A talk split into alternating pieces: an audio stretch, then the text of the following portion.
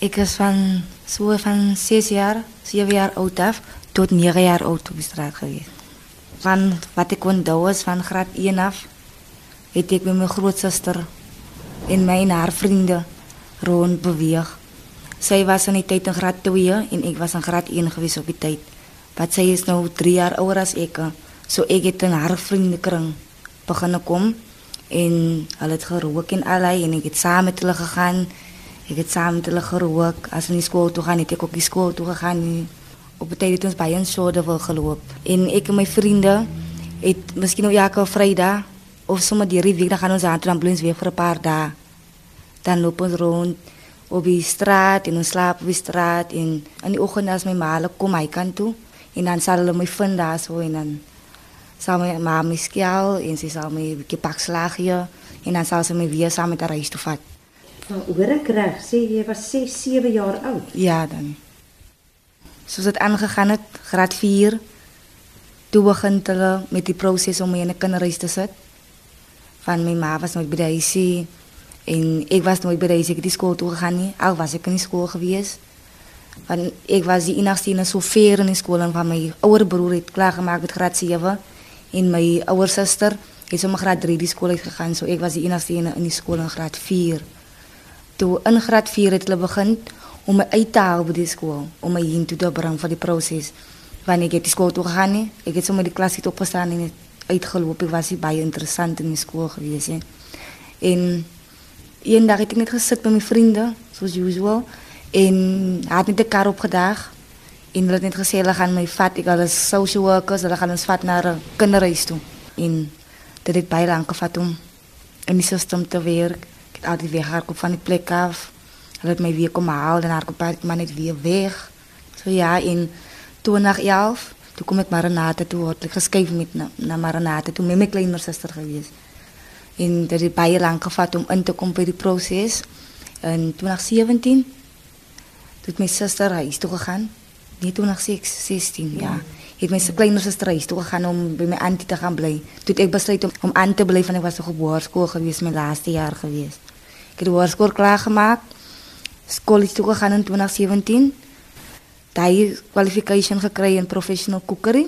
Ek het dit klaar gemaak 2018 het ek weer aan begin bly en ek het 'n naald weer koers dan gedoen.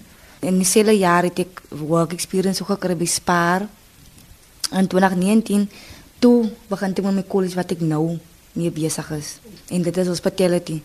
Ek is in my derde jaar. Ek doen NCV. Maar dan gaan ek wil aangaan om 'n diploma te gaan haal. Die NCV is nog op 'n lower level. So wat wat hulle verduidelik vir ons is as jy ingaan by die industrie, dan gaan jy nie sommer wil kom waar jy wil wees nie. So as ek my diploma gaan haal, dan kan ek sommer stryd in die kombuis ingaan. Ek kan stryd gaan vir 'n chef dan se kwalifiseer vir dit. So dit klink asof jy nou baie goeie en groot blink planne het vir die toekoms. Maar vir my bots dit nou bietjie met toe jy was toe jy vroeër was want hier is iemand wat nou so hard leer en studeer en 'n groot toekoms sien. Maar as ek kyk na jou, kom ons sê maar laerskooljare en bietjie hoërskooljare, waar jy niks weet van leer of dissipline of enige iets nie. Nou, waar het die omkeer gekom? Dit begin in so sê so op my laaste jaar in op hoërskool het ek begin uh, realize dat my suster weg is en niemand het iets bekom in die lewe nie nie een van my familielede werk nie my broer was in die tronk gewees in uit die heeltyd soos hy my grootsuster bly op die straat op die oomblik. My tweede oudste broer is op hom eie. Hy het 'n klein familietjie en ons het die huis gehad nie. Toe my ma oorlede raak, het ek besef dat daar's nog niemand wie nie wat my kan help, wat my suster kan help, van niemand gee eintlik om oor niemand nie. So toe besluit ek ek gaan dit op my vat.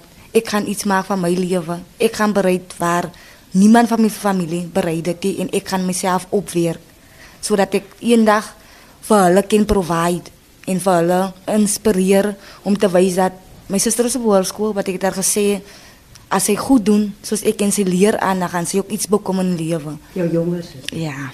Haar naam is Kelly Gabriel en sy is graad 10 nou op die oomblik. Toe my ma oorlede was, het sy ook 'n bietjie uitgespin, so sy was sy lekker gewees hier.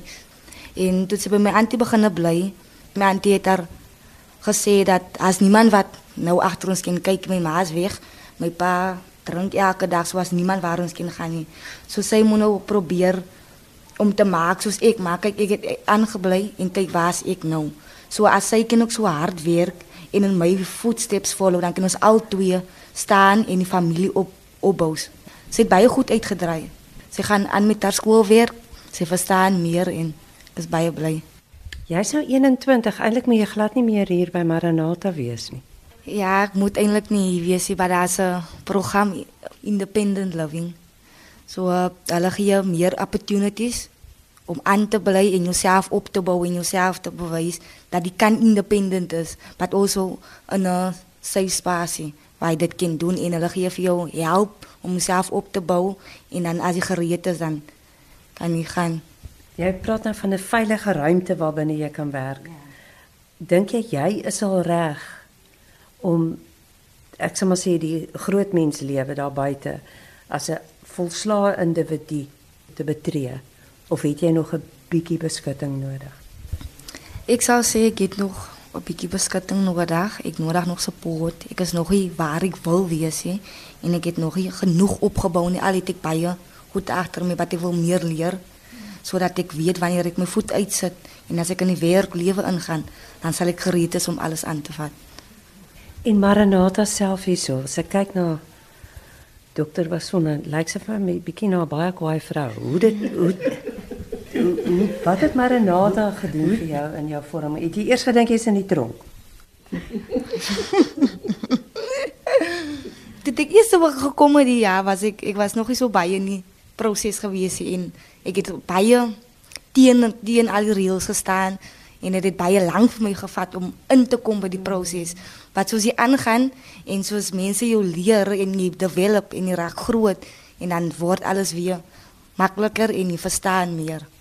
En jou kleinsus, verstaan sy nou ook meer van dissipline? Dissipline, sy verstaan so bietjie, maar sy nog steeds nou en dan haar moed en allei, wat ons werk op het ek haar gesê sy moet haarself opbou en sy moet nie worry wat ander mense vir haar sê nie. Sy moet net op haarself fokus. Ek fokus baie op myself om myself op te bou en ander mense soos my suster en my familie probeer opbou. As hulle my nodig het, as ek altyd daar is, ek sal altyd gaan help. En die volle ding is um, ek moet myself opbou. Want as niemand dit gaan doen in my familie situasie dan ja, dan is daar niemand om te provide vir niemand nie. As ek klaar maak en ek gaan in my werk wêreld toe en ek werk myself op en dan kan ek teruggaan in my familie en hulle vir hulle provide en hulle probeer sê dat hulle moet uitgaan en jobs kry.